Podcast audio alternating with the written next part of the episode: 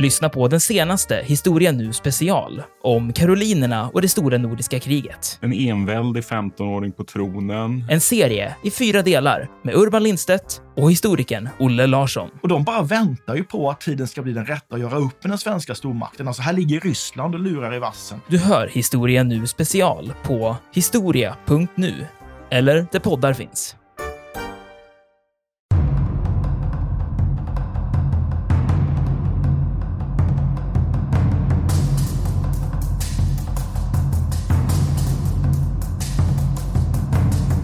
Det är ju att man har då de här utländska förbanden och framförallt ett förband som var väldigt känt var ju Schweizergardet. Det är ju de som slåss till sista man för att skydda Ludvig den XVI bland annat i samband med, med eh, stormningarna, Tullerierna i, i Paris under franska revolutionen. 1830 utbryter revolution i Frankrike och där inser man efter den här revolutionen att man vill inte ha de här utländska förbanden. Därför att de kan ju nämligen tänka sig att vadå? Jo, skjuta på befolkningen. Så därför säger man så här, vi avskaffar alla utländska regementen. Men vad sjutton ska vi göra nu med alla de här soldaterna? För de är ju ändå, besitter ju en kompetens. Jo, då skapar man en legion. En fransk legion. Och där fick alltså inte franska medborgare ansöka och skriva in sig.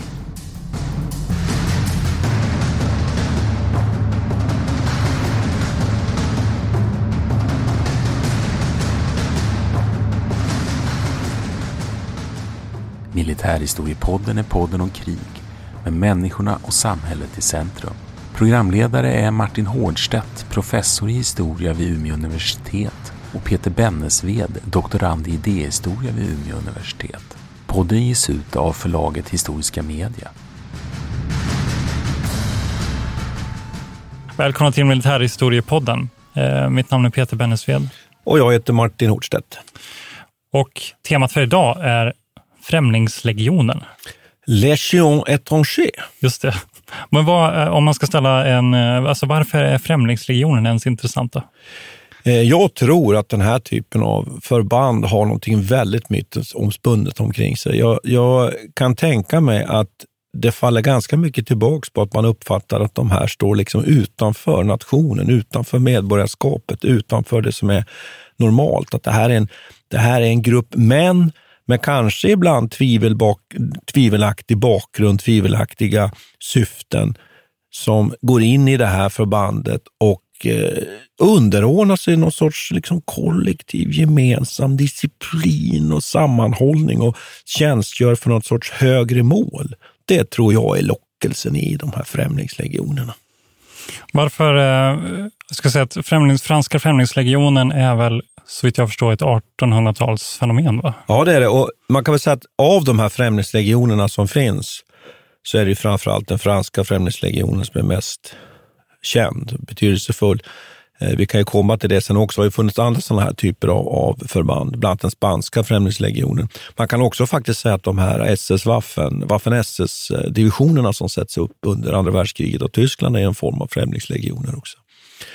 Det är en 1800-tals företeelse. I, I Frankrike har man under, långt tillbaks, en tradition av att eh, rekrytera helt enkelt utländska soldater till sin, sin, till sin armé. Eh, det gör man i flera arméer runt om i Europa. Eh, bland annat så finns det faktiskt ett, ett, en så att svenskt regemente, Royal Suédois, under en period. Det betyder inte att det nödvändigtvis var svenska soldater där, men det var säkert många svenska officerare Ja, det svenska aristokrater Ja, svenska aristokrater mm. som åkte ut. För man hade ju en sån här form av, ska vi kalla det för utbytesverksamhet mellan arméerna ute i Europa. Man skulle kunna säga faktiskt att det fanns en, en en utbildningstradition, att man ville utbilda en ung adelsman, och då ska man komma ihåg att det var ju adelsmän, Eh, så skickade man dem på så kallad grand tour ut i Europa att lära sig olika saker. En annan sak man då kunde göra, då besökte man då till exempel Italien, tog del av konsten och vetenskapen, man besökte de stora nationerna. Framförallt i Sverige gick det ju till Italien och till, till Frankrike även Tyskland. Men man kunde också skicka offic unga officerare ut i världen, för det fanns ingen organiserad militärakademi, utan man gjorde det här för att få då ett kunskapsinflöde. Då vill jag ställa en fråga till dig Martin. Då tänker jag så här, mm. okej okay, det här verkar vara kopplat till officerarna och aristokratin i någon mening då. Men det finns ju någonting annat här som ligger i bakgrunden också, det är den köpta soldaten, liksom legosoldaten. Och då tänker man, okej, okay, eh, franska främlingslegionen ska vara något eh, 1800-talsfenomen, hyfsat modernt i någon mening. Men den köpta soldaten är ju knappast någonting nytt. Är det, är det det som nya är då, eh, är att, att de här... Fast franska främlingslegionen är ju också en vanlig, så att säga, det är ju ingen Eh, aristokrat nödvändigtvis. Nej, det är det inte, utan man kan säga så här att det, du är inne, det där är dels de här officerarna, det är det äldre, alltså det, det finns sådana regementen. Men sen också kan man säga att det finns alltså soldater som tar värvning och tjänstgör. Och där har vi klassiska exempel att det var mycket skottar i den svenska armén under 30-åriga kriget och så vidare. Så det kan vi lämna därhän, det finns alltid funnits. Det som är speciellt med franska främlingslegionen, det är ju att man har då de här utländska förbanden och framförallt ett förband som var väldigt känt var ju schweizergardet det är de som slåss till sista man för att skydda Ludvig den XVI bland annat i samband med, med eh, stormningarna, tullerierna i, i Paris under franska revolutionen. 1830 utbryter revolution i Frankrike och där inser man efter den här revolutionen att man vill inte ha de här utländska förbanden. Därför att de kan ju nämligen tänka sig att vadå? Jo, skjuta på befolkningen. Så därför säger man så här, vi avskaffar alla utländska regementen. Men vad sjutton ska vi göra nu med alla de här soldaterna? För de är ju ändå, besitter ju en kompetens. Jo, då skapar man en legion. En fransk legion. Och där fick alltså inte franska medborgare ansöka och skriva in sig. Okej, okay, så det finns en sån gränsdragning där ja, också? Ja, lite okay. social konflikt. Så 1831 kommer då franska främlingslegionen. Men då, då, är det, ska man säga att det är en stor skillnad mellan den här köpta legosoldaten, om man, tänker, om man jämför nu med 1600-talets legosoldat, ja. Och det, för den är rekryterad precis varifrån som helst. Det spelar ingen roll vad den egentligen... Eh... Ja, tar vi svenska armén ja. i under 30-åriga krig som exempel, då värvar man ju framförallt tyska soldater. Alltså det var ju bara en del, kanske 40 procent av den svenska armén som var svenska soldater hämtade så att säga från det svenska rikets områden. Utan där värvar man ofta en officer med pengar, värvar, betalar. Mm. Legoskottar, skottar, schweizare, pikiner, schweiziska pikinerare till exempel var, var en sån här typ av förband historiskt tillbaka. Men det här är alltså någonting, är någonting annat, att man efter då, av politiska skäl så vill man inte ha de här schweizergardet. Därför de har ju nämligen svurit en trohet mot kungen. Mm. Medan Främlingslegionen, intressant, vad har de då svurit? Sin trohet. Men vad är det, precis, vad är det för typ av eh, eh, vad ska man säga, ideologi som ligger bakom, bakom här? Är de som ansluter sig till Främlingslegionen, var det eh, första hand då folk som, som slöt upp bakom republiken? Då, eller var... Nej, nej, utan det här kunde vara eh, äventyrare, eh, kriminella, det kunde vara allting. Det kunde vara personer som ville helt enkelt leva som soldater. Eh, inledningsvis då var det ju resten av de här förbanden som fanns. Eh, jag kan säga så här idag att jag till exempel eh, tittade lite på några trådar på nätet kring de som söker idag. Franska Främlingslegionen. Gud vad modernt av dig, Ja, jag, jag är väldigt modernt för att vara mig faktiskt. Och där kan man konstatera att det är alla möjliga personer. Det kan vara personer som, som framgick av den här tråden, personer som har militär utbildning. De har till exempel varit på något av våra specialförband i Sverige, framförallt är det jägarbataljonen uppe i Arvidsjaur. Eh, eller så kan det vara personer som överhuvudtaget inte har militär utbildning, som söker det här av något annat skäl. Eh, olycklig kärlek, eh, äventyr. Jag uppfattar att det är väldigt mycket äventyr, eh, pröva var man står någonstans. Eh, några söker striden. Jag, jag kan inte ha några moraliska synpunkter på det, men så, så, är det. Många, eh, så att så ser det ut idag och det, det mönstret förefaller även vara precis sam, samma på, på historiskt tillbaka. Att det fanns personer som inte hade något annat sätt att, att helt enkelt tjäna sina pengar. Hej, jag Ryan Reynolds. På Mint Mobile, we like to do the opposite of what Big Wireless does. They charge you a lot, we charge you a little. So naturally, when they announced they'd be raising their prices due to inflation, we decided to deflate our prices due to not hating you. That's right. We're cutting the price of Mint Unlimited from $30 a month to just $15 a month. Give it a try at mintmobile.com slash switch. $45 upfront for three months plus taxes and fees. Promo rate for new customers for limited time. Unlimited more than 40 gigabytes per month. Slows. Full terms at mintmobile.com. Ever catch yourself eating the same flavorless dinner three days in a row? Dreaming of something better? Well, HelloFresh is your guilt-free dream come true, baby. It's me, Gigi Palmer. Let's wake up those taste buds with hot, juicy pecan-crusted chicken or garlic butter shrimp scampi. Mm. Hello Fresh. Stop dreaming of all the delicious possibilities and dig in at HelloFresh.com. Let's get this dinner party started. Quality sleep is essential. That's why the Sleep Number Smart Bed is designed for your ever evolving sleep needs. Need a bed that's firmer or softer on either side? Helps you sleep at a comfortable temperature? Sleep Number Smart Beds let you individualize your comfort so you sleep better together. JD Power ranks Sleep Number number 1 in customer satisfaction with mattresses purchased in-store. And now, save 50% on the Sleep Number limited edition Smart Bed for a limited time. For JD Power 2023 award information, visit jdpower.com/awards. Only at a Sleep Number store or sleepnumber.com.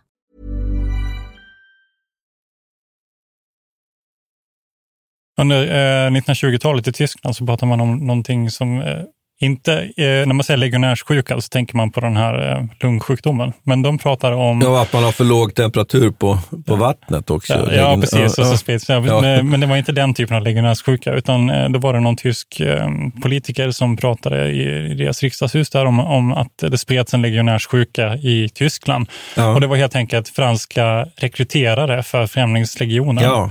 som då åkte runt i landet. Och, och vad jag förstår så var en väldigt stor andel, eller är Ja, fortfarande stor andel tyskar. Ja, märkligt nog. Alltså de Ja. största, det är den största nationalitetsgruppen. Och jag tror att man räknar från, från Sverige 500 Mm. har tjänstgjort i legionen. Ungefär lika många som tänker på spanska inbördeskriget också. Ja. 500. Ja.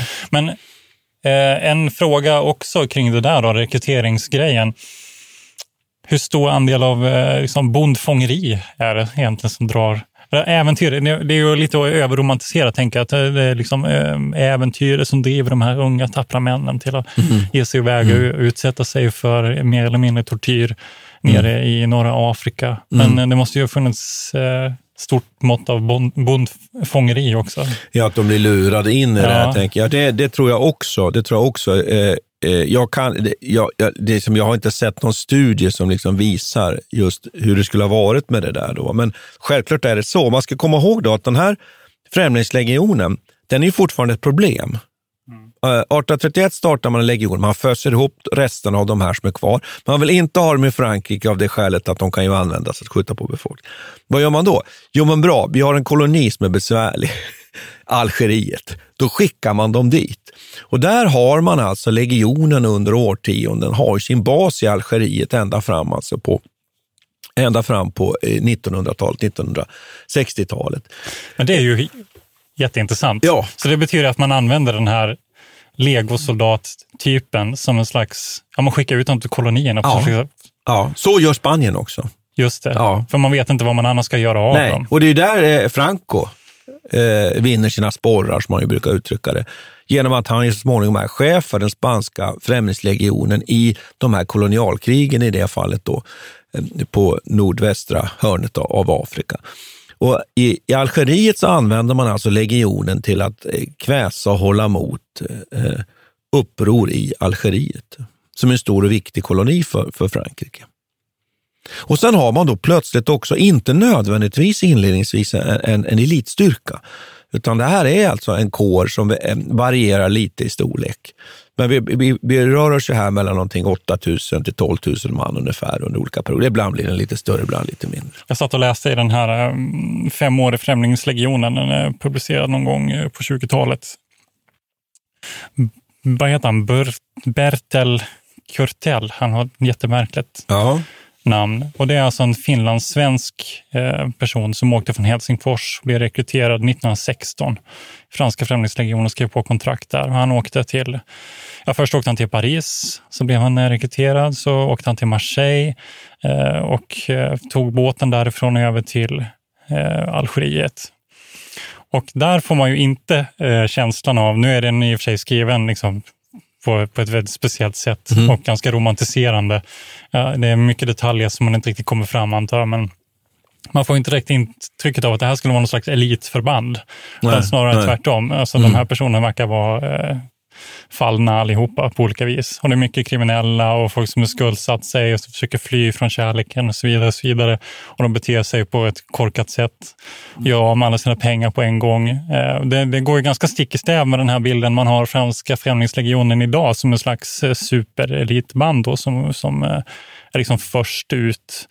I Libyen vet jag att det var för några år sedan så var det väl eh, Främlingslegionen. Ja, Ja. I, idag är ju Främlingslegionen att betrakta som ett elitförband. Ja. Men det, Ja, vi- får- Fortsätt med din, jag avbryter Ja, nej, nej, men det, det, absolut. Och jag, jag, jag, tror att, jag tycker det där passar ganska bra. Så man, man har då en bas då i Sid, Sidi Bel Abes. Det är lite svårt att säga det. Jag hoppas att jag uttrycker det, ut, ut, ut, uttalar det någorlunda rätt. Och där man övar de här och då övar man dem framförallt, den klassiska miljön då för de här främlingslegionärerna är ökenmiljön. Och där prövar man de här eh, legionärerna då. Och då finns det bland annat ett sånt här motto då, man genomför såna här marscher med de här för att helt enkelt pusha och trigga deras eh, stridsuthållighet. Då. Marschera eller dö är en sån där klassiker som, som legionen eh, Eh, står för. Och jag såg i den här nutida tråden, alltså 2019, någonting väldigt intressant. Nämligen att där förklarade en av de här som faktiskt hade sökt och blivit antagen i, legio, i legionen, men valt att lämna tjänsten av privata skäl hemma. Jag vet inte vad det kan ha varit. Något dödsfall i familjen, någonting, jag har ingen aning. Eh, han sa så här, eh, för det var många som hade olika naiva föreställningar, så sa han så här, ni måste komma ihåg nu att nu skriver ni på ett förband där den, där den främsta lyckan är att, att till exempel få föra legionens fana i samband med deras högtidsdag. Alltså det är den här enormt extrema känslan för förbandet, för legionen, för sammanhållningen. Eh, och Det är någonting som jag skulle vilja att vi uppehåller oss vid, för det tycker jag är någonting som är väldigt, väldigt intressant. Och som jag tycker att man kan kanske lite känna igen själv från sin, sin Eh, gubevars militärtjänstgöring, hur man ju kommer väldigt nära varandra med de som man ju tjänstgör med. Och Det här är ju en företeelse, tycker jag, i militärhistorien som är mycket, mycket central. Eh, jag ska göra en liten utvikning här. Till exempel när, när, när tyska armén i slutskedet av andra världskriget håller på att bryta samman. Vad är det man, håller, vad är det man, vad är det man slåss för? Slåss man för fyren? Knappast. Man slåss inte ens för Tysk, Tyskland längre. Vaterland. Man slåss inte ens för familjen, utan man slåss och fortsätter kämpa för varandra, för varandras överlevnad. Och här tror jag att vi kommer till något som jag tycker är jättespännande. Med, Och standardet, det blir vis- standardet ja. med, och det är att legionen är vårt fosterland. Mm. Legio patria nostra. Men det går ju lite emot också det här, vad ska man säga, det, modern, det finns det här nationalistiska moderna projektet i bakgrunden som på något vis skapar Främlingslegionen. Ja, ja. Samtidigt så, så vill de då skapa en, här, en nation i sig själva. Eh, Står de också utanför liksom fransk politik eller hur, hur, eh, hur ska man se på det? De har blivit inkallade vid olika sammanhang. Men Ja, ja. Skulle man hårdra det skulle man kunna säga så här. Här har då en stor eh, nation, Frankrike, som kan hålla sig med en sån här organisation, ett förband som är fullständigt lojal mot uppgiften och mot sig själva, som en enormt effektiv militärförband som man kan sätta in när det behövs och när det är, är, är problem. Vi har andra sådana här för, förband. SAS till exempel i, i, i Storbritannien. Eh, Men det är en lite annan sak. Främlingslegionen är speciell så tillvida att den är rekryterad av andra. Nu ska vi säga det, att man får, nu, numera så får ju frans, fransmän också vara med i legionen sedan 90-talet. Då. Men Så det är inte senare än nej, det är inte senare, det är inte senare än så. 19 Ja. 90-talet. Ja, 90-talet, som, som man får rekryterad och, och vara med i Främlingslegionen. Och eh, faktiskt med, min dotter var på en resa i, i Frankrike bara för en eh, eh, tre, fyra år sedan och det var i samband med de här terrordåden. Eh, och då var hon ner till Assisi, klassiskt eh, konfirmationsresa. Och där stod ju, berättade hon sen, legionärer på, på vakt. Så att de här sätter man in då när det är känsligt. Det är klart att det är ett stort område med mycket ungdomar, klart att man vill ha, ha stor säkerhet där. Då. Så att det här tycker jag är någonting som är väldigt, väldigt spännande. Och att man har en tradition i franska eh, främlingslegionen att, att verkligen slåss till sista man. Hur skulle du ställa dig till det, Peter? Vad ställer, hur ställer du dig till, nej, men hur ställer du dig till det att man har ett, ett förband som, som jag tycker, du har ju alldeles rätt i, att det står Ja. alltså utanför egentligen den här... Eh, eh, jag tänker att värnpliktsarmén, den ska ju försvara fosterlandet och nationen. De här försvarar legionen. Ja, det påminner mer om, om en äldre typ av krigföring. Eh, eller på något vis när man är mer lojal mot sin egen eh, regemente till exempel. Eller, eller det är sådana klockor som ringer i mitt huvud i alla fall när jag hör dig säga det där. Och det, och det, det är ju något tydligt för modernt i det tycker jag. Eh, och som inte är kopplat till den stora liksom, nationella armén, trots att de ändå är skapade i en sån miljö. Mm. Så. Används av nation, nationalstaten. Ja. Det håller jag med om och det där tycker jag är spännande. Att det är något sorts gammel, gammeldags egentligen riddarideal. Ja. Men jag kan säga att jag känner ju ändå igen, tycker jag, det, eh, den här just lojaliteten mot förbandet och förbandsandan och så vidare. Det kan jag känna igen i min egen militärtjänstgöring, att den är ju stark. Den är ju stark och den finns ju i historien. Jag kan, kan ju nämna det lite, det kan ju vara intressant, intressant att veta att den, den högtidsdag man har då, det är det sista april, 30 april. Det är 30, 30 det är det sista dagen i april. Ja, det kanske det är. 30 april. Och nu är det så att där slåss man, nu prövar Peter på knogarna. Eh, det är 30 april. Ja. Eh, och det är 1863 och då är det så här att eh, Frankrike, det här är typiskt, det här är typiskt Främlingslegion uppgift kan man säga. Frankrike har ju en idé att man vill lägga sig till med Mexiko. Det här är Napoleon den tredjes Frankrike. Han gör sig till kejsare, inte på alls samma na- eh, man, eh, lika starka ställning som Napoleon Bonaparte, men han är ju faktiskt en, en brorsson till Na- Napoleon Bonaparte, Napoleon den tredje. Och för att göra en väldigt lång historia kort så kan man säga så här att han använder ett klassiskt knep. Det går dåligt på hemmaplan och därför så satsar han på ett utrikespolitiskt egentligen kan man säga äventyr. Och Mexiko engagerar man sig i för att bygga ut det franska kolonialväldet. Där sätter man in franska främlingslegionen och nu kommer vi till det som jag egentligen skulle berätta. Där utkämpar då en, en, en, en, en trupp legionärer en hopplös strid. De ska eskortera, eh, tror jag, en penningtransport. Blir anfallna och slåss till, till eh, sista man, alla utom två, som till slut väljer att, att kapitulera om de får behålla sina vapen och sina heders eh, eh, eh, märken, kanske man kallar det för. Ja. Blev de betraktade som förrädare då? Nej, det, det är de inte. Eh, utan då har de ju alltså reducerats från 60 till 2 eller någonting sånt här. Och då till slut så fattar de efter.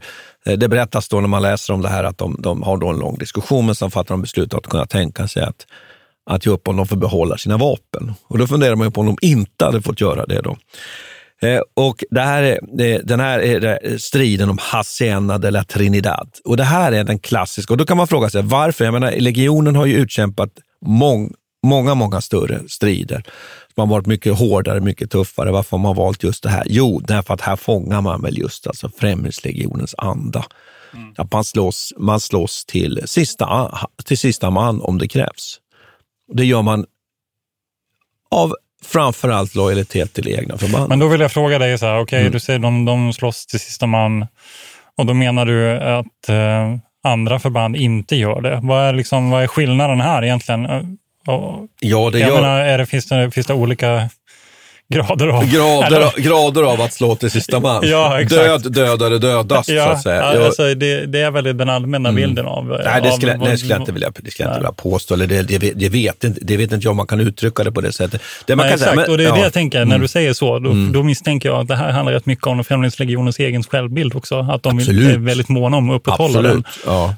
För då skulle jag vilja säga så här en sak, att nu pratar vi my- mycket om det här att, att de är, är lojala mot legionen. Men jag skulle väl också vilja säga att det är klart att de ska ju också vara lo- lojala mot Frankrike och, och, och republiken. Det finns ju också med naturligtvis. Men det som är överskuggande är, är men man kan väl säga att är man lojal mot legionen, då är man också lojal mot republiken och Frankrike. Men där kommer, vi- kommer att komma så småningom här om vi ska prata lite, om, om lite mer om vad det är för insatser de har gjort och vad de har varit inblandade i Främlingslegionen. Att där kommer att ställas lite på sin spets den här lojaliteten tycker jag på ett intressant sätt då, i samband med, med Algerietkrisen. Då. Men då går vi kanske lite lång, långt fram här. Vad har man använt den här legionen till? Ja, den strider ju på, på västfronten under första världskriget. Det är ingenting konstigt. Den är ju så liten så den kan ju inte göra någonting Eh, Men en- eliten i förhållande, den är väl ändå upp mot eh, är det 30 000 soldater? Ja, den är så störst. Den är så störst, men den, den är ju idag, idag är den ju bara kanske på 8000 man ungefär. Va? Så, att, så att den varierar ju lite i styrka. Man sätter ju in den bland annat i Krimkriget i mitten av, av 1800-talet, 1800, på Krim. Eh, och där visar det sig att den här stridserfarenheten man har från Algeriet visar sig vara väldigt bra, därför att den franska armén klarar sig mycket bättre i det kriget än vad de till exempel brittiska trupperna gör. Vad, vad, har den för, vad är den franska intresset i Krimkriget egentligen? Ja, det är ju att man helt enkelt vill stoppa rysk expansion ner mot Turkiet. Alltså att man, att man anfaller och tar Sevastopol, eh, flott, den ryska flottbasen på Krim. Det är ju därför att man helt enkelt vill slå tillbaka de här ryska försöken att komma ut i Medelhavet. Och då sätter man in, legionen är med i den franska armén som landstiger på Krim. Och, eh, sen i övrigt så behöver vi inte utve utveckla det kriget, det kan vi kanske komma tillbaka till någon gång. Men det är typiskt att man sätter in de här främlingslegionerna, naturligtvis i alla Frankrikes krig, men också på sina specialuppgifter. En annan specialuppgift är ju Narvik. Vi har något annat program och pratade vi lite om, om förspelet i vinterkriget och då pratade vi om att, att britterna ju faktiskt efter eh, Tysklands anfall på Norge så tar man i Narvik och där sätter fransmännen in också trupper och där är Främlingslegionen plötsligt på plats också. Mm. Och detta är alltså i... i eh, Ja, det här är eh, maj 40. Maj 40. Maj, maj, juni 40, efter april. Eh, så att, eh, och sen är man med också i Nordafrika och slåss. Eh, Frankrike kapitulerar ju så småningom under sommaren 1940. Och sen är Främlingslegionen fortfarande kvar, finns kvar då gripbar för, för det fria Frankrike. Och då slåss man då i Nordafrika och eh, jag vet att jag har läst på en del, del håll att man där då på något sätt skulle ha upprätthållit då ändå den här ganska stukade franska militärandan. Då. Selling a little or a lot? Shopify helps you do your thing however you cha-ching. Shopify is the global commerce platform that helps you sell at every stage of your business. From the launch your online shop stage to the first real life store stage, all the way to the did we just hit a million orders stage. Shopify is there to help you grow. Shopify helps you turn browsers into buyers with the internet's best converting checkout. 36% better on average compared to other leading commerce platforms because businesses that grow grow with Shopify. Get a $1 per month trial period at shopify.com/work. shopify.com/work. Jewelry isn't a gift you give just once. It's a way to remind your loved one of a beautiful moment every time they see it. Blue Nile can help you find the gift that says how you feel and says it beautifully with expert guidance and a wide assortment of jewelry of the highest quality at the best price. Go to BlueNile.com and experience the convenience of shopping Blue Nile, the original online jeweler since 1999. That's BlueNile.com to find the perfect jewelry gift for any occasion. BlueNile.com.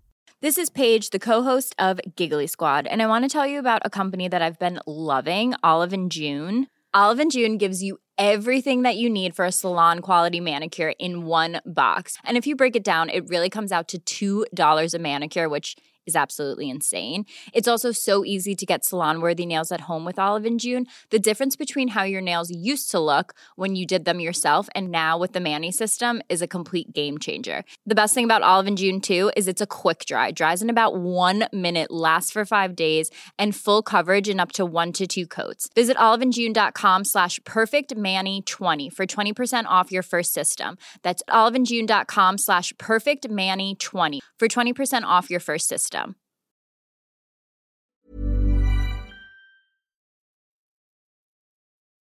Men tycker inte du att det ändå är lite, lite kittlande med de här Främlingslegionen? Nu ska inte jag säga att du skulle anmäla dig till Främlingslegionen, det skulle väl inte jag göra heller. Men Nej, men jag, ty- jo, jag tycker att de är, de är intressanta. fenomen? Ja, Mm. nej, men de är intressanta i den meningen att det, det är den här, eh, fast jag tittar på det eh, på ett annat sätt kanske. Jag, jag är inte så intresserad av deras, deras eh, stora slag om man säger så. Nej. Men den här rekryteringsbiten tycker jag är intressant. Vem är det egentligen som sluter upp? Och vad säger det om de, alltså de här soldaterna, som, eller de här männen då? Eh, vad, är det, vad är det för faktorer som driver dem dit? Och, och det, är, finns ju så mycket romantik Mm. kring Mm. Främlingslegionen. Och man hör, det är alltid någon som har någon som känner någon som, du vet. Jag kommer ihåg en gammal eh, eh, restaurangchef som jag jobbade för ett tag. Hon hade jobbat i Paris hon har lärt känna eh, främlingslegionärer där under 60-70-talet någon gång och liksom la fram den här bilden om den här mystiska soldaten som det var inte så romantiserande på sätt och vis, men eh, det, var, det, det handlade om en person som var eh, förstörd, eh, som, hade, som var tystlåten och som uppenbarligen liksom hade blivit drabbad av någonting. Och det, och det går ju stick i stäv mot den här romantiska soldaten som, som bara ska... Eller vet vad händer egentligen, man undrar man ju då, som civil okunnig person. Man får för sig att åka med, eh, rekrytera sig till den här organisationen, åker man ner och så, så blir man utsatt för massa mer eller mindre tortyrartade handlingar. Brutala utbildningsmetoder. Ja, precis. Ja. Som inte är så särskilt modernt eller pedagogiskt, eh, vad jag förstår. Mm. Och sen så kommer de tillbaka fem år senare och tycks ångra till stor del att de ens eh, gav sig i kast med det där. Mm. Men då ska man nog komma ihåg också att det där, det, om man liksom ska ha någon sorts urval där så kan det hända att vi får höra de där negativa historierna. Jag tror att det finns många också som har haft sitt liv i legionen och det är väl också kanske lite sorgligt i någon mening. Eh, det är ju ett militärt förband kan man ju säga då som, som är en väldigt effektiv eh, eh, ett, ett, det är ett effektivt militärt förband helt enkelt och man kan bygga upp den här andan. Sen har det ju varierat genom åren hur, hur välutbildade de har varit och ofta ett förband, det är ju väldigt viktigt vilka man rekryterar, ska man komma ihåg också. Eh, om man tittar, har alla varit välkomna verkligen undrar jag också? Nej, nej det är de inte. Och tittar jag, om jag tittar på nu, idag, då ska man komma ihåg att franska legionen idag är någonting helt annat än det vi beskriver lite här. Där är man ju väldigt noga, uppfattar jag. Eh, och där jag, just att jag refererar lite till den här tråden nu, återigen, det jag läste. Och den var ju väldigt intressant just att där sa de att det, det, eh, de tar inte in någon. De hade tydligen, han hade varit där och gjort de här testerna, så hade de till och med haft en det var någon som hade tagit en medalj i gymnastik. Han så fruktansvärt vältränad. Mm. Men de tog inte in honom. Ah, okay. Därför att han helt enkelt inte hade huvud. Ah. Och att de hade sagt det väldigt tydligt, att vi kan öva upp fysiken på er, men om ni inte är vettiga i huvudet så har ni inget här att göra. Det, det, det, det verkar ju vara, tycker jag, som rekryterare en, en bra utgångspunkt. Då. Det jag har läst också mm. Eh, om er historiskt slag så verkar det som att man har ömsom eh, alltså i olika tider egentligen eh, sagt nej till, till, framförallt av ideologiska skäl, att till exempel kommunister inte varit välkomna. Nej, nej, nej. Eh, judar inte varit välkomna. Mm. Mm. Och, och, eh, det verkar ha funnits en poäng av att rekrytera från Tyskland och som jag antydde innan, att man gärna vill ha tyska mm. eh, in i den franska organisationen under en period då när Tyskland och Frankrike hela tiden står emot varandra. Ja, och vem är man lojal mot då? Ja, precis. Det kan man ju undra. Men där, och, för jag förstår så hade de en egen jo. tysk, eh, ett eget tyskt kompani där. Mm. Och de hade en skandinavisk variant mm. och så mycket belgare, holländare och sådär. Så det verkar ju finnas som att det, det verkar som att det varierar väldigt mycket här. Eh, mm. Och även storleken. Jag tror att de siffrorna som jag hittade, så var, när det var som störst, så var det upp mot 49 000 soldater och det var efter andra världskriget. Eller jag minns inte. Jo, den sväller, sväller alltid samman med, ja. med eh, krigen. Jag kan, jag kan inte mm. svära på vilken epok det var, men det verkar som att de nådde sitt max då. Men nu, nu säger det 8 000. Mm. Alltså det är en intressant organisation, det är det. Det verkar å ena sidan att det hela tiden följer eh, historiens lopp. Då. Mm. Men, och det är återigen det här sociala, om man får lyfta upp fram det. Är det, inte så, är det så konstigt eh, att de här, eh, det, det får det nästan framstå som att det här är som ett slags fotbollslag för, för utsatta människor som har liksom inte hittat sin plats i, uh, i samhället. Ja, den, liksom, den, den, bilden tror jag nog kan stämma under perioder. Ja. Men under andra perioder så är det inte på det sättet. Samtidigt ska man komma ihåg att de gör ju häpnadsväckande militära insatser och man kan väl kanske ta upp det som väl brukar vara liksom deras största strid, mm. skulle jag vilja påstå. Eh, jag hoppas att inte någon som främlingslegionär nu kommer att, att bli... Eh, men också deras största katastrof och deras största besvikelse. Ja, det klassiska mytomspunna slaget vid Dien Bien Phu. Det som ju blir 1954, det som ju blir Frankrikes eh, sorti, snöpliga sorti ut ur Indokina, drömmen om att kunna hålla kvar sitt kolonialvälde.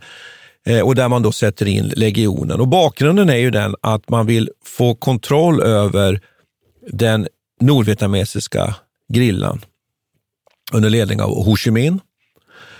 Eh, och då bestämmer man sig för att vi måste få slut på införseln av vapen norrifrån från Kina. Dien Bien Phu ligger då vid en väldigt viktigt sånt här eh, vägnätskorsning Om vi tar Dien Bien Phu, kontrollerar det området, kan vi stoppa införseln. Samtidigt tänker man så här också. Ja, men då kommer nog grillarna att anfalla. Då kommer vi suga åt oss dem. Och så kan vi då så att säga åsamka dem en massa förluster eftersom vi är överlägsna. Så sagt och gjort så sätter man då ett antal bataljoner, till stor del Främlingslegionen då, eh, på ett antal då, kan vi säga då, eh, man bygger ut ett antal eh, försvarsverk då runt en, en flygplats. Det man glömmer är att, att ta i besittning alla höjder runt omkring, vilket kommer att visa sig vara fatalt. För det visar ju sen, sen så småningom att eh, eh den nordvietnamesiska då, grillan kommer att beskjuta det här eh, flygfältet från de här höjderna och så småningom mala ner det här eh, försvaret. Och det blir till slut en hopplös strid där faktiskt eh, eh, legionen då har mycket, mycket, mycket stora förluster. Och till slut är det faktiskt så att det återstår då bara ett hundratal legionärer som på natten, när de faktiskt till och med har gett upp redan, slår sig ut och försöker ta sig till de franska linjerna. Och tolv man överlever, resten av alla de här soldaterna. Eh, eh, vad är liksom efterspelet i den här? Ja, efterspelet i det här, ja. sen kommer då eh, eh, freden i, i eh, freden och Nordvietnam helt enkelt blir en självständig kommunistisk stat. Ja, jag har en, en jordglob hemma faktiskt, där vi ägnade några kvällar åt att försöka ta reda på från vilket år den var. Och det var just detta faktum som gjorde att jag satte vilket år det var. Därför att då var det Nordvietnam nämligen det. Men är det, är det här, eh, ja det är ju ett misslyckande. Ja. Eh, var det liksom, eh, hur ska man säga om Främlingslegionens... Jo, Främlingslegionen ja. slåss här alltså helt enkelt till sista man. Det är också så att man har två stycken Främlingslegionsbataljoner, eller till och med var regementen som man släpper med fallskärm. För man kan inte flyga ner på flygplatsen och undsätta, utan man måste droppa med fallskärm för nödenheter och alltihopa. Man släpper två bataljoner med fallskärm över det här området och de har aldrig hoppat fallskärm förut. Och Det är också sånt där legendariskt bevis på att de här soldaterna är beredda att göra sin, sin plikt och också understödja sina kamrater på, på marken. Och man räknar med att förlusterna i Främlingslegionen är så mycket som 10 000 man i samband med den här DBFO. Förutom då Frankrikes sorti, Nordvietnams självständighet, så skapar det här grogrund för mycket, mycket starkt missnöje inom jag regionen. Jag tänkte precis fråga det. De måste bli väldigt, eh, väldigt upprörda. Det måste finnas en, en, en stor schism där gentemot Frankrike. Absolut, så är det. Eh, och det är ju det som sen leder till nästa, nämligen att i Algeriet pågår ett inbördeskrig där man bekämpar då en grilla FLN, inte så de sitter, Så det här sitter ihop med, med händelserna 1961? Eller? Ja. ja. Och 19, ja, du tänker på kupp, kuppen ja absolut. Och, och då är det så att i Algeriet så sätter man in legionen som ju gör sig, tyvärr då, utmärker sig för sin mycket, mycket brutala eh, metoder mot den algeriska grillan. Och Det finns en miljon fransmän då i Algeriet och man börjar inse ifrån centralmakten i Paris att vi måste släppa den här kolonin. Vi kommer inte kunna hålla den här. Och Det här uppfattar man som ett sånt fullständigt förräderi, då, framför allt från Främlingslegionen. Att man bestämmer sig helt enkelt för att göra en kupp. Under den här generalen Salin så tar man över makten då i, i Algeriet i april 1961. Man helt enkelt tar, tar man. Och då har man också tänkt sig då att Främlingslegionens fallskärmsregemente ska hoppa över Paris helt enkelt och genomföra statskupp i Paris. Det är ganska, det är ganska spännande faktiskt. Alltså. Och då vet, vet vi att de Gaulle, generalen från andra världskriget, eh, ordnar ju till det här så småningom. Han åker ju till Algeriet och säger, jag förstår er, säger han. Jag förstår er, säger han. Och då säger generalen, vad bra att generalen förstår oss, då kan vi vara helt lugna. Det de inte vet är att har redan bestämt sig för att Algeriet ska bli självständigt. Och det låter han Algeriet bli självständigt 1962. Så att här har vi då en mycket intressant sak med Främlingslegionen. Vad är man då lojal mot? Just det. Republiken eller sitt fosterland, det vill säga mm legionen. Du Generalen. Du var, inne på, du var inne på romarriket kanske där lite med legionen i romarriket. De var ju ja, lojala mot sina fältherrar. Ja, ja, precis. Nej, jag tänkte nog inte på romarriket. Jag tänkte nog mer på 1600-talet. Att eh, det är det, de få kunskaper jag har om den perioden. Och det här värdet av standardet, alltså liksom ja. hålla den här insamlandet av dem. Och så, så. Det fanns någonting eh, intressant i det som, som, går, som skiljer sig ganska mycket från 1900-talets massarméer, 1800-talet också för den delen, men som är tydligt kopplad till bara nationen egentligen, som ett mm. annan typ av försvarstänkande. Hej, it's Danny Pellegrino from Everything Iconic. Ready to upgrade your style game without blowing your budget? Check out Quince. They've got all the good stuff, shirts and polos, activewear and fine leather goods, all at 50 to 80% less than other high-end brands. And the best part? They're all about safe, ethical and responsible manufacturing. Get that luxury vibe without the luxury price tag. Hit up quince.com slash upgrade for free shipping and 365 day returns on your next order. That's quince.com slash upgrade. Hold up. What was that? Boring. No flavor. That was as bad as those leftovers you ate all week. Kiki Palmer here, and it's time to say hello to something fresh and guilt-free. Hello Fresh. Jazz up dinner with pecan-crusted chicken or garlic butter shrimp scampi. Now that's music to my mouth. Hello Fresh. Let's get this dinner party started. Discover all the delicious possibilities at hellofresh.com.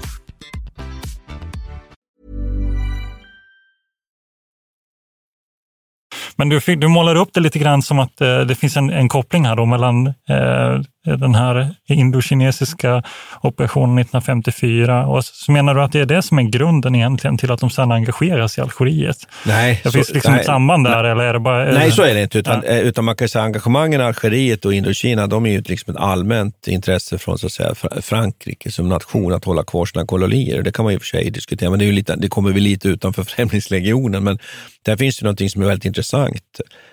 Ska man förenkla det lite så kan man väl säga att Frankrike har ju en märklig, märklig vilja att, att slåss för sina kolonier. Och det, det, jag, bruk, jag brukar tänka att det kan finnas en koppling till att man känner sig, har ett behov av det för att upp, upprätthålla sin, återupprätta sin nationella stolthet efter andra världskrigets förnedring, där man faktiskt blev överkört på fem veckor av tyskarna tyskarna. Eh, jag bara spekulerar, medan britterna har lättare att, så att säga, göra sig av med sitt, sitt eh, kolonialvälde. Men, men, men det, får, det får liksom vara ett resonemang eller en spekulation från min sida. Men Främlingslegionens utbredda missnöje, missnöjet mot fransk militär, det är ett faktum. Så Dien Bien Phu, det finns en koppling mellan Dien Bien Phu och kuppen 1961 i Algeriet, det, det är helt klart. Och då får man ju tänka sig på de här, vi har ju varit inne på de här främlingslegionärerna, de viger sitt liv åt detta och sen blir de svikna åt de som de har varit beredda att ge sitt liv för. Hur, hur, kan man se på de här andra organisationerna? I början här så var vi inte och pratade om eh, spanska eh, främlingslegionen mm, också och mm. eh, du drog någon eh, liknelse med eh, SS... Ja, ja. Att, ja, jag tycker att liknelsen är väl att den som du har varit inne på, man funderar på vad det är för typ av människor som söker sig till, en sån här, till den här sortens förband. Eh, och Det kan ju vara väldigt känsligt då att göra såna här generella jämförelser mellan de här, därför att det är så oerhört laddat att prata om Waffen-SS. Men jag tycker inte att det är något problem om vi håller oss på en sån här liksom saklig nivå. här. Att det finns en lockelse i detta. Det finns också en lockelse i att vara frivillig i Finland. Mm. Till exempel under vinterkriget, eh, som ung, ung svensk officer eller ung svensk soldat. Eh, tittar man till exempel på, på de som är frivilliga under inbördeskriget i Finland 1918 så är det ju väldigt många som, som faktiskt äventyrar och som också behöver betalt. Behöver pengar helt enkelt, behöver lön. Jag tror att det finns också med här. Och det vet vi också att de som är med i de här SS-förbanden eh, många gånger är tvångsrekryterade. Om vi tittar på den estniska SS-divisionen, men också att de är inte nödvändigtvis vad man skulle kunna tro då, ideologiskt bevandrade, inte ens har de kunskaperna, utan de ser det som ett äventyr. Men då är det, det är en stor skillnad här är ju ändå, det, alltså det du säger nu påminner ganska mycket om, det är en köpt av soldaten helt enkelt. Och drivkrafterna ja. där är samma som det alltid har varit. Mm. Men eh, skillnaden då är ju egentligen att soldaten så att säga kommer till de kommer till eh, legionen, inte tvärtom. Alltså det är inte, det är inte Nej. krigsmakten som, som rullar över ett land och liksom köper upp soldater allt Nej, vad den nej, kommer. utan. Det, finns, en- det är ju en stor skillnad då. Att man helt Ja. enkelt, jag menar, den här eh, Kertel som jag pratade om innan, han tog sig ju ändå från Helsingfors Dit, hoppade ja. på en båt liksom, och tog sig till Paris först. Eh, Så det är en ny slags mobilitet då. eh, Som ändå... Det är det. Det är absolut. Och det, de rekryterar runt om i kontor runt om i, Frankrike. Det är jättespännande. Att, och de har inga problem. Jag tror att de kanske tar in en tiondel av de som söker. Någonting i den storleksordningen. Så att det är ett fenomen. Ja, jag, jag funderar ju också på de här paramilitära grupperingarna eller förband som har tillkommit lite mer i nutid, som till exempel Blackwater. Ja, det, finns ju någon, det finns en intressant koppling här mellan Svenska Främlingslegionen och den typen av organisationer. Och i, idag i mer så senkapitalistisk värld så, så är det istället eh, företag som liksom står för den här, som Mm. är först på plats, bygger upp baser och eh, står för säkerhet eh, när det gäller transport. Och, eh, ska jag säga, Blackwater är ju en sån, numera heter de Akademi. vet inte hur man ska uttala det, men eh, Academy kanske. Ja. De har ju bytt namn ett par gånger för att de hamnar alltid i blåsväder. De tycker inte riktigt om eh, den, Alltså de har ju fått mycket kritik då, att de, från, från eh, allmänheten. Och de engagerar ju sig i Afghanistan och var väl först på plats där. Så det är klart att det finns ju en, en intressant koppling hur det här förändras då från att ha varit först är legosoldaten eh, 1600-talet som rekryteras på plats egentligen med lokala kunskaper och så vidare. Sen går man in i mer som franska främlingslegionen då 1830 som är mer kopplat till det nationella projektet och vem Mm. som ska egentligen få plats där. Mm. Eh, De som inte får plats i nationella projektet, ja, men de får hamna i franska främlingslegionen istället. Och idag så har vi mer en slags senkapitalistisk variant med ett företag då, som man liksom rekryterar. Mm. Och I många fall är det ju ex-soldater som jobbar för de här företagen som åker tillbaka. Eller, antagligen får de väl be, eh, ganska bra betalt skulle jag gissa av militär kompetens. Jag tycker att det här föranleder ju egentligen att komma tillbaks till de här eh, sägersomspunna specialförbanden, både av de här skälen vi har pratat om. Det är ju jätteintressant som du säger att här har vi plötsligt vi har en främlingslegion. Man vill inte ha frans, eh, utlänningar i franska armén. Det är ett problem. Då föser man ihop dem i en legion. De är lojala mot legionen, men samtidigt ska de vara, är de ju ändå används av den här nationen. Blackwater används ju också av nationen. Vem är de lojala mot? Företaget. Eh, vad är det för någonting? Så det kan finnas anledning att komma tillbaka. Sen har vi ju andra förband som är mer en del av de här försvarsmakterna i respektive land. Det är Navy Seal, det är SAS. Men vi har också de här förbanden som, som har varit väldigt problematiska för oss nu i, efter, i eftervärlden att, att hantera och förstå, som till exempel Waffen-SS. Det tror jag vi kan komma tillbaka till. Just. Det är, politiskt sett så finns det ju intressanta aspekter. Jag tänker framförallt på spanska inbördeskriget som jag själv har studerat en del. Eh, Där är ju de, den svenska engagemanget där, alla frivilliga som åker ner dit och, och engagerar sig i deras frivilligkårer för, på Republikanernas sida är ju, eh, blir ju politiskt sprängstoff här hemma. Mm. Och ett, ett politiskt problem för, för vår regering. Ja. Alltså, och, det, och likadant efterspelet med svenska frivilliga till eh, Nazityskland och så vidare. Så det finns något eh, intressant att utforska. komma tillbaka till. Ja. Okej, det var allt för idag. Eh, Ni har lyssnat på Militärhistoriepodden med mig, Peter Bennesved och Martin Årstedt. tack ska vi ha. Tack ska vi ha. Och vi tackar historikern Martin Hårdstedt och idéhistorikern Peter Bennesved.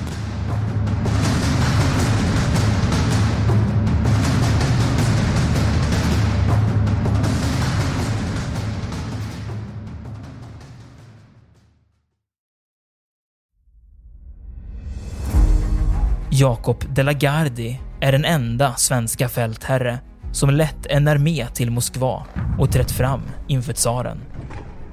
Bedriften gjorde honom till en av 1600-talets största befälhavare. Moskvas erövrare är den första biografin över Jakob de la Gardie, en av stormaktstidens portalfigurer. Historikern Peter Ullgren följer hans stormiga bana från den föräldralösa barndomen vid 1500-talets slut till maktens topp och den mullrande statsbegravningen i Stockholm 1652. Moskvas erövrare är utgiven av förlaget Historiska Media. Ljudboken finns tillgänglig hos streamingtjänster som Bookbeat, Storytel och Nextory. Beställ den fysiska boken på förlagets hemsida historiskamedia.se eller köp den i en bokhandel nära dig.